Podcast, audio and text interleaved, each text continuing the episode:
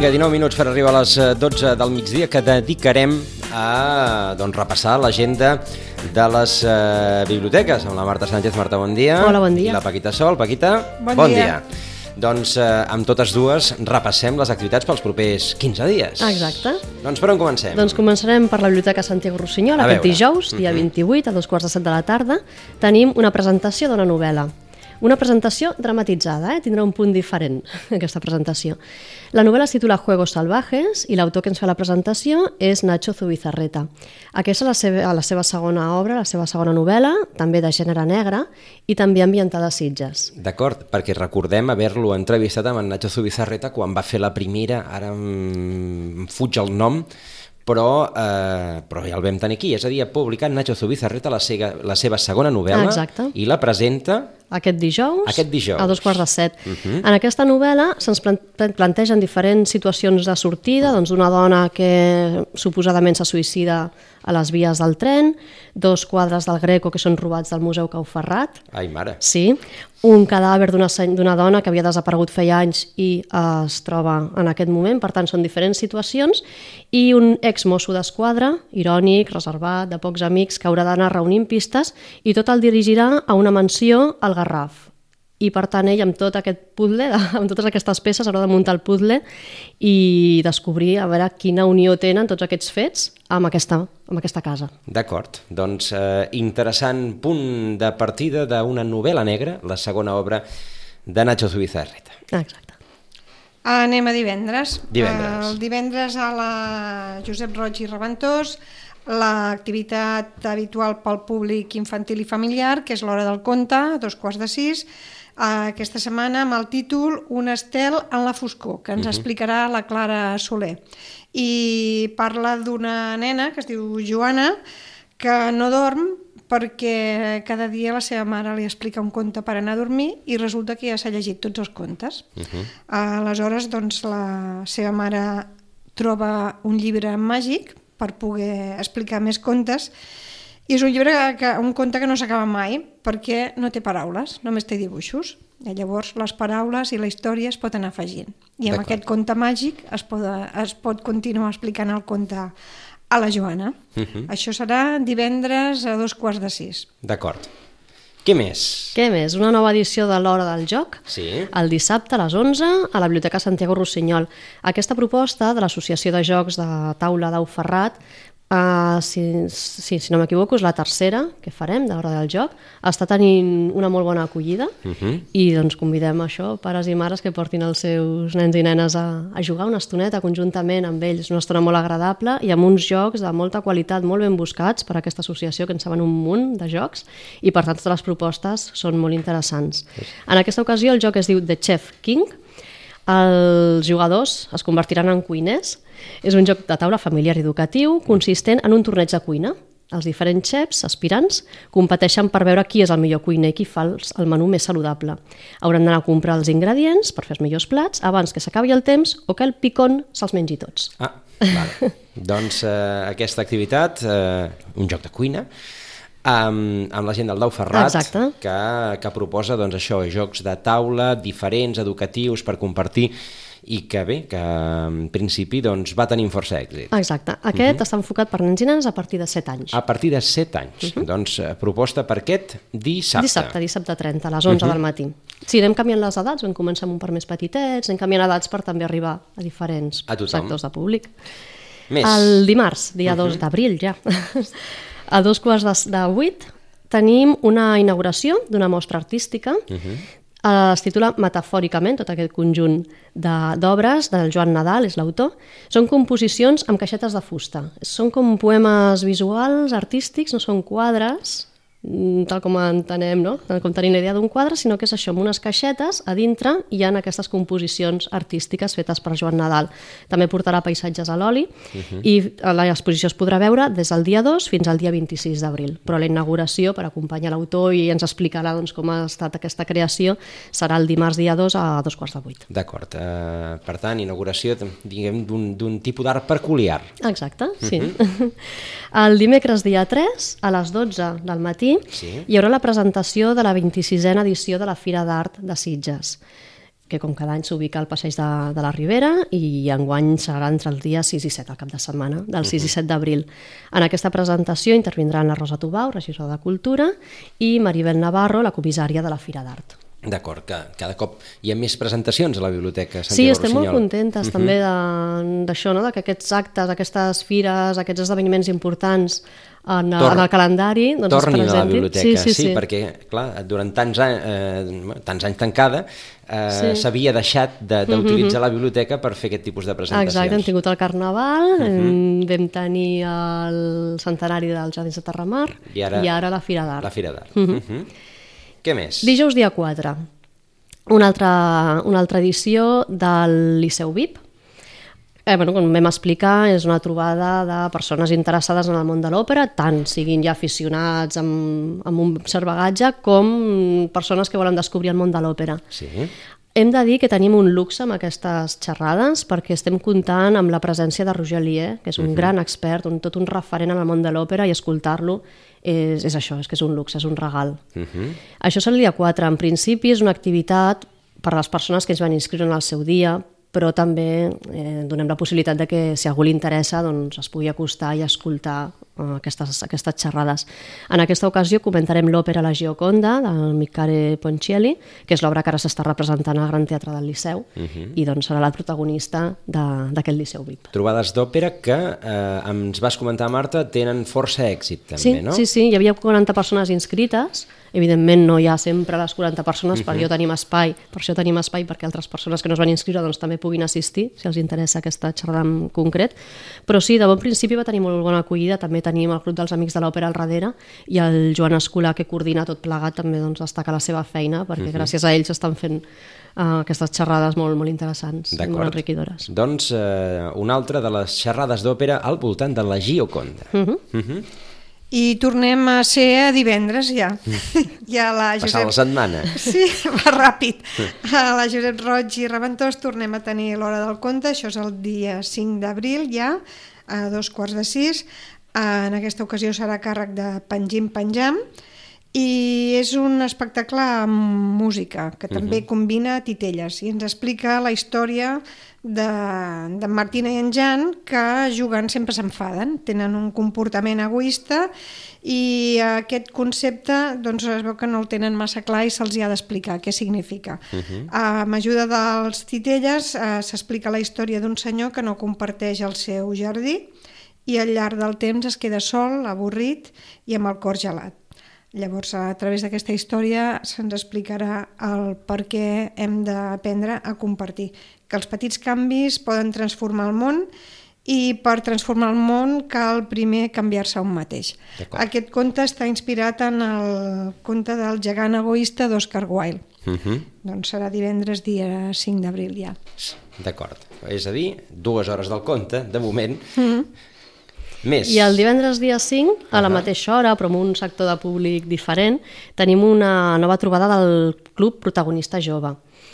Mm, Tothom que vulgui participar, tothom entenem amb nens i noies, nois i noies a primer, segon d'ESO, doncs encara estem a temps d'apuntar-se i d'agafar el llibre en préstec. Uh -huh. En aquest cas, comentarem la novel·la a 677 quilòmetres de casa, de Mark Lowery, i recordar que aquests, els llibres que anem llegint en aquest club, en aquest protagonista jove, estan triats per experts, però no vol dir persones serioses que recomanin rotllos de llibre, no, no, és que són molt xulos. I la, els nois i noies que s'apuntin doncs fan de jurat. Se'ls llegiran els, les tres propostes i després els puntuarem. Entre tots sortirà aquest guanyador del, del Premi Protagonista Jove. D'acord. Aquest, aquesta novel·la, eh, els protagonistes són dos germans, un té una discapacitat i per tant ens parla de la relació entre tots dos, del que significa pel germà doncs, haver de comprendre la manera de pensar de l'altre i viuen una aventura fantàstica, tots dos. Uh -huh. Doncs Premi Protagonista Jove. I, I- després també volíem bueno, proposar un altre club de lectura. Mm -hmm. Aquest el tenim cada any, i a part dels clubs que ja estan funcionant habitualment, és el, el club de la trobada de, del Paredes Garraf. Llavors, um, poden venir a la biblioteca, apuntar-se, agafar la novel·la protagonista d'aquesta edició i després, el mes de juny, el dia 7, hi haurà la trobada amb l'autora i amb la resta de participants de tots els clubs de lectura de la comarca, del Penedès i del Garraf, uh -huh. a Vilanova, és una cosa que es fa cíclicament, aquest any toca a Vilanova, i tothom que hi va doncs, normalment repeteix, perquè és una experiència molt bonica de poder llegir el llibre amb el club, cadascú amb el seu, però després trobar-se amb l'autora, poder-li plantejar preguntes, tenir aquest contacte més directe i també amb altres membres dels altres clubs de lectura. Vale. D'acord. En aquesta ocasió la protagonista serà l'autora Maria Rosa Noguer i la, el llibre que proposem per, per fer la biblioteca d'aquest club és La noia del creuer. Altres clubs llegiran altres novel·les d'aquesta autora. D'acord. Per tant, eh, una, diguem, edició especial. Exacte. Inscripcions i préstec del llibre a la biblioteca uh -huh. i farem aquesta sessió el 29 d'abril. Per Va. tant, hi ha tot aquest marge per poder llegir el llibre, gaudir-lo i després comentar-lo. I després comentar-lo. Mm -hmm. Doncs, eh, queden alguna activitat? Activitats ja estaríem, Ja estaríem. aquesta quinzena. Per tant, passem a... Recomanacions. Recomanacions. Recomanacions de llibres de, per part de les biblioteques. Uh, hem portat, uh, aviam, per part de la Josep Roig i Reventós, us he portat tres llibres diferents. Començarem per un assaig que es titula Biografia de la Humanitat i ens parla de l'evolució de les cultures. Eh, aquí l'autor comenta que els canvis vertiginosos que hem experimentat els últims anys potser ens fan eh, mirar d'una altra manera el que ha estat el nostre passat.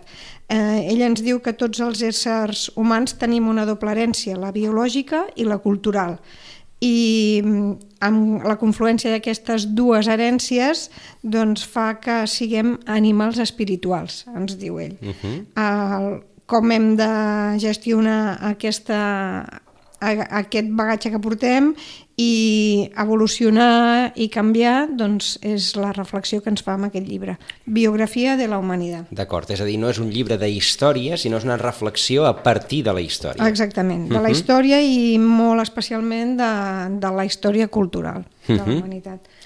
Llavors en tenim un altre que aquest sí que és història uh -huh. uh, Ebre 1938, imatges d'una batalla és un format eh, una mica més gran i és un llibre molt il·lustrat. Eh, tenim molta varietat i molta riquesa tant de dibuixos com de, com de mm, fotos, acompanyats evidentment d'un text i de dades històriques i bé, és una, una part de la nostra història que potser últimament hem, hem anat eh, recuperant i, i estudiant també mm, el que ha representat i penso que bé, és un format i, i un tipus de lectura que pot ser molt amena amena dintre del tema que estem tractant perquè ja dic, la profusió d'imatges i, de, i de fotografies doncs és, és molt, molt bonica i molt uh -huh. interessant. No molt. és un llibre gaire gaire, de gaire volum de pàgines, però sí que penso que pot, eh, pot agradar per, per veure aquesta part de la història. Doncs, sí, un format un, molt, sí, molt visual. Exactament. Uh -huh. val? Fàcil, I... fàcil d'entendre de, i fàcil de, de donar-se. Molt assequible. Uh -huh. I per últim una novel·la, una novel·la que no és nova, és una reedició però d'una novel·la antiga, és una saga de fet, eh? són sis llibres, a la biblioteca en tenim quatre, aquest és el tercer d'una sèrie que porta per títol La novel·la de Ferrara.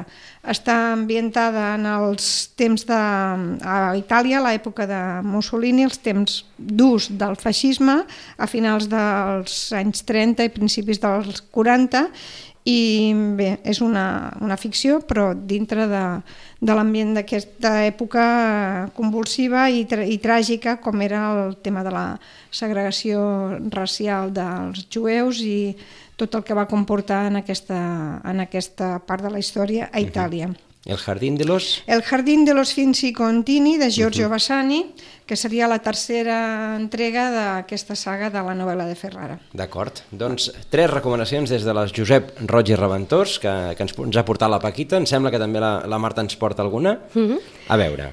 Doncs mira, des del mes de gener que els clàssics de la biblioteca volen sortir. Uh -huh. I, I volen sortir tant que a l'Instagram podreu veure cada mes una fotografia d'un d'aquests clàssics en una cadira, les cadires eh, de l'any 36 de la biblioteca, en diferents jocs de Sitges. Llavors, al gener, la Lolita, de Vladimir Nabokov, amb la seva cadira se'n va anar a la davallada, mm -hmm. feia la fotografia. Al febrer vam tenir la Madame Bovary, de Gustave Flaubert, a la sorra de la platja Sant Sebastià, amb la seva cadira. I aquest mes de març tenim el Camino de Miguel Delibes, prenen el sol a l'entrada d'aquí de la cinquena avinguda. Del corraló de la rectoria. Del... Sí. que és el nom oficial, oi? I ens entenem. Uh -huh. I així anirem fent cada mes. D'acord. Doncs aquesta cadira amb un llibre, amb un clàssic, anirà passejant per aquí per Sitges, uh -huh. llavors posem la foto a Instagram i al blog doncs, fem una ressenya explicant la història d'aquell llibre. I transporteu la cadira per fer la foto. I tant! I tant, per veure'ns. Per veure-us. Què més? I aquest, doncs, bueno, aquest mes destaquem ah, el, el Camino, el de, Camino Miguel de Miguel Delibes, protagonitzat per Daniel El Mochuelo, aquest nen d'11 anys, que passa una nit d'insomni en el seu llit sense poder dormir perquè és l'última nit que passa al seu poble, a casa seva, abans d'anar a la ciutat a estudiar. Els seus pares, el seu pare sobretot, no vol que sigui un, una persona que es quedi sempre al poble i sent doncs, formatger o amb altres oficis, eh, bé, el que, el que s'ha fet tota la vida, sinó que volen que sigui un noi de profit i l'envien a estudiar. Ell no ho té tan clar perquè el treuen doncs, del seu entorn, dels seus amics, de les seves referències, d'un màgic que troba dintre d'Ucru, eh? perquè ens situem a l'Espanya de la postguerra, en un poble espanyol eh, tancat, no? tota aquesta, aquesta situació ja crua per si pel moment històric, però també dels personatges, però estan també retratats que al final ens fem amics dels amics de Daniel Mochuelo, ens fem amics de Daniel Mochuelo i coneixem a eh, tots els personatges d'aquest poble. Uh -huh. És un llibre que va rebre molt, molt bones crítiques, es va escriure l'any 1950 i retrata doncs, això, no? aquesta Espanya rural, amb un estil molt propi del, de l'autor, del Miquel Delibes, en què és com fer una pintura, un retrat en què podem viure perfectament fins i tot les olors que es desprèn de la vida d'aquest poble.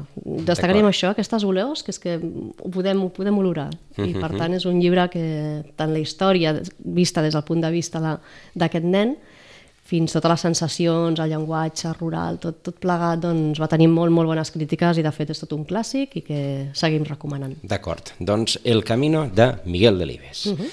I alguna, alguna si més, no? Si dona temps, he portat un infantil, mm, mm, no? no? Doncs el deixarem no. pel proper deixem dia. Deixem-ho sí, pel proper dia, sí, un llibre sí, infantil problema. que també té molt, sí. té molt bona pinta i així el podrem comentar Perfecte. Uh, molt millor. Uh, unes biblioteques que ja, diguem, estan agafant la ruix final cap a, cap a Sant Jordi, d'aquí 15 dies doncs ja comentarem la quinzena abans de Sant Jordi, que acostuma a ser una quinzena de...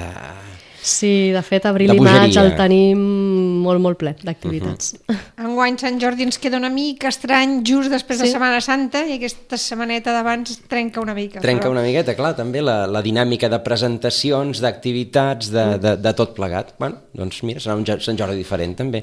Corpus també, avui en Vicenç ho deia, doncs que eh, queda per Sant Joan, doncs bé, sí, Sant Jordi també queda per, per Setmana Santa. Uh, us, doncs això, us agraïm aquests, uh, aquestes recomanacions, l'agenda la, doncs, eh, cultural cada cop més nodrida de les dues biblioteques de Sitges. Eh, Paquita Sol, moltíssimes gràcies. Gràcies a vosaltres. Marta Sánchez, gràcies. Gràcies. I doncs a tots vostès, moltes gràcies per l'atenció, que passin un molt bon dia i fins demà.